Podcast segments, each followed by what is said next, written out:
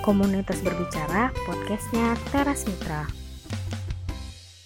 Halo sahabat Teras Mitra, kembali lagi dengan saya Mutia dari Teras Mitra dan selamat datang di Komunitas Berbicara, podcastnya Teras Mitra, volume 5. Pada podcast volume kelima ini, ada Bu Neri yang merupakan warga transmigran dari Pulau Jawa ke Pulau Sulawesi, tepatnya di Gorontalo. Bu Neri akan menceritakan tentang pengalamannya dalam mengelola lahan pertanian setelah bertransmigrasi dan mendampingi para kelompok petani. Kira-kira apa saja ya yang dilakukan Bu Neri setelah bertransmigrasi?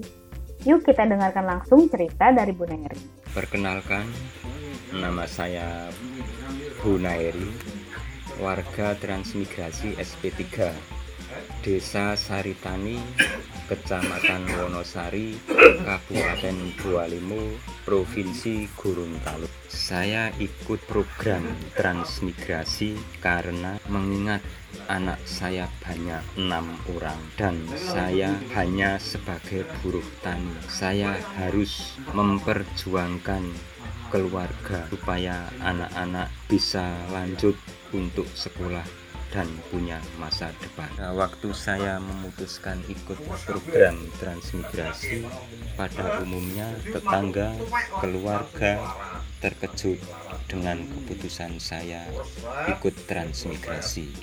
Karena selama ini saya tidak pernah merantau keluar daerah. Komentarnya beragam. Ada yang negatif dan positif. Contoh negatif transmigrasi itu dibuang di tengah hutan dan masih banyak binatang buas. Contoh positif mereka-mereka yang sudah tahu tentang program transmigrasi memberi semangat. Kalau Pak Bun bagusnya ikut transmigrasi karena di sana disediakan rumah jatah hidup atau lahan usaha yang masing-masing keluarga diberikan lahan 2 hektar. Ternyata sampai di lokasi benar bahwa semua difasilitasi oleh pemerintah.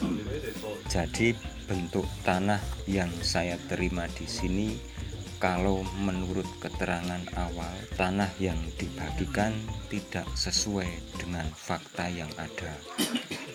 Ceritanya tanahnya datar faktanya di lokasi tanahnya miring dan berbukit. Berkebun di sini cukup sulit dengan kemiringan seperti ini memerlukan energi dan pikiran yang lebih. Saya menerima tanah dan berbukit karena di tempat ini hampir semua kondisinya demikian. Jadi saya menerima karena terpaksa juga karena kalaupun memilih kondisinya juga sama miring-miring semua. Terus saya punya ide bikin teras iring. Teras iring tersebut datang dari lokasi itu sendiri pengalaman saya di Jawa melihat lokasi di Kemiringan, uh, umumnya sudah di teras iring. Berarti dalam kondisi lahan yang demikian dengan kemiringan sehingga apa yang saya lakukan dan lihat di Jawa itu saya jadikan contoh atau modal pengetahuan diterapkan di lokasi saya sekarang ini tujuan bikin teras iring itu sendiri bagi saya mengamankan tanah yang masih subur supaya tidak hilang di bawah derasnya air hujan. Juga untuk menjaga agar tidak terjadi erosi atau longsor. Juga memudahkan melakukan kegiatan penanaman perawatan dan pemanenan. Dan yang lebih utama lagi supaya kita tidak kekurangan air nantinya. Cara membuat teras iring itu sendiri dilakukan secara bertahap tidak sekali dikerjakan langsung jadi. Harus seiring dengan musim tanam sampai pada di mana teras itu lebar dan rata sesuai kemiringan tersebut tidak semua pohon hutan dan liar itu dibersihkan sekaligus. Pembersihan dilakukan khusus untuk rumput atau jerami yang dikumpulkan sebagai dasar tanggul gulutan teras. Rumput-rumput atau jerami itu tidak saya bakar karena nantinya akan menjadi pupuk juga. Pohon berupa kayu yang memberi nilai manfaat bagi pakan ternak atau bangunan memang saya pelihara mengingat seandainya saya tanam dari kecil masih melalui proses tumbuh dan berkembang. Itu saja kalau hidup. Kalau mati bibit sudah tidak ada malah kita tidak jadi tanam. Saya tetap pertahankan juga karena pohon itu akan membantu memperkuat tanah di kemiringan supaya tetap stabil juga melindungi tanaman yang masih kecil dari sinar matahari langsung mengingat di sini panasnya sangat luar biasa Hasil kebun teras iring saya macam-macam. Ada cabai, bawang merah, ubi jalar, ubi kayu, pepaya, jagung, mentimun, kacang tanah, pisang, dan kacang panjang. Ada beberapa macam tanaman tahunan juga yang belum menghasilkan buah seperti coklat, jeruk, teh, jengkol, bian, nangka, cempedak, sirsat, dan juga kayu-kayuan seperti jati, mahoni, akasia. Untuk pakan ternak juga sudah kita siapkan seperti kaliandra, gajahan.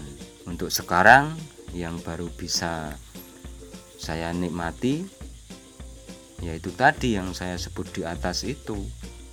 Beberapa macam tanaman musiman itu. Untuk kelebihannya ya tetap saya jual.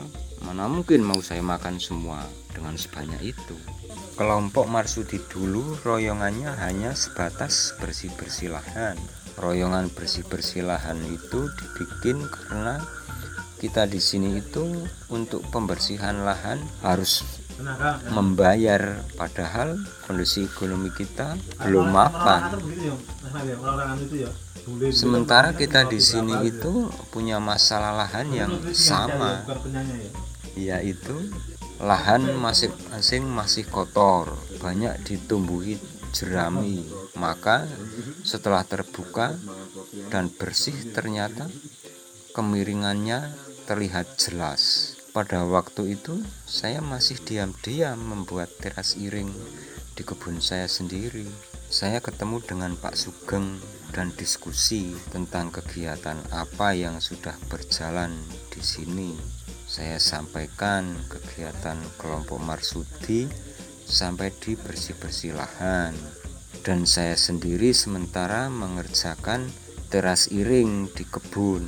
Pak Sugeng usulkan ketemu dengan anggota kelompok Marsudi keseluruhan. Maka lahirlah gerakan bikin teras iring yang dibantu oleh GIF SGP jadi kerja royongan bikin teras iring itu dilakukan secara bergilir setiap hari minggu di lahan masing-masing anggota. Semua anggota datang ke lokasi royongan tiap hari minggu lengkap dengan alat kerja masing-masing yaitu cangkul dan parang pemilik lahan tempat kita royongan itu menyediakan makanan dan minuman ala kadarnya yang didukung oleh GIFSGP. Jadi bisa dibilang kita royongan itu sangat terbantukan oleh GIFSGP sehingga royongan bisa dilakukan secara rutin setiap hari Minggu karena ada bantuan konsumsi. Konsumsi ini yang selalu jadi masalah dalam royongan kami dulu. Karena kami di sini masih belum mapan kondisi ekonominya. Pengalaman yang selalu saya ingat waktu belajar bersama-sama dengan teman-teman di Tamaila Utara yang dibimbing oleh Pak Diki yang dari Bali adalah menjadi fasilitator harus adil dan memberi kesempatan orang lain untuk menyampaikan pendapat, menghargai orang berbicara, dan punya mental yang kuat menghadapi berbagai kesulitan yang ada. Modal waktu belajar dengan Pak Diki yang saya pakai meskipun masih banyak kekurangan. Di tempat yang saya menjadi fasilitator petani, itu saya selalu menyampaikan pengetahuan dan pengalaman apa yang saya bisa dan yang saya tahu. Seandainya ada pertanyaan, saya tetap bisa menjawab sesuai fakta yang saya lakukan. Kelompok Marsudil Stantun itu lahir dari inisiatif warga untuk membentuk suatu kelompok kerja gotong royong. Bukan terbentuk oleh dinas atau instansi seperti kelompok tani contohnya. Kami anggotanya yang pertama berjumlah 21 orang. Dan sampai sekarang berjalan kurang lebih dua setengah tahun masih tetap 21 orang. Hanya ada beberapa anggota yang terlibat langsung di beberapa kegiatan kita. Ada juga yang ingin bergabung dengan kami. Sekarang hanya saja kami belum memutuskan dengan anggotanya. Kegiatan yang menjadi program kelompok yang sudah dilakukan ada pertanian. Di kegiatan pertanian teras iring penanaman kayu-kayuan buah-buahan dan pakan ternak. Untuk program peternakan ada sapi ada kambing yang masing-masing dipelihara oleh anggota untuk industri tahu keripik pisang, keripik ubi untuk perdagang, perdagangan. Sementara proses sambil berjalan yaitu jual beli hasil kebun. Untuk program perikanan ikan nila dengan mujahir. Untuk program jasa kita menyewakan mesin potong rumput mesin giling tepung mesin sancin untuk semprot dan untuk program kegiatan pariwisata, salah satunya wisata alam.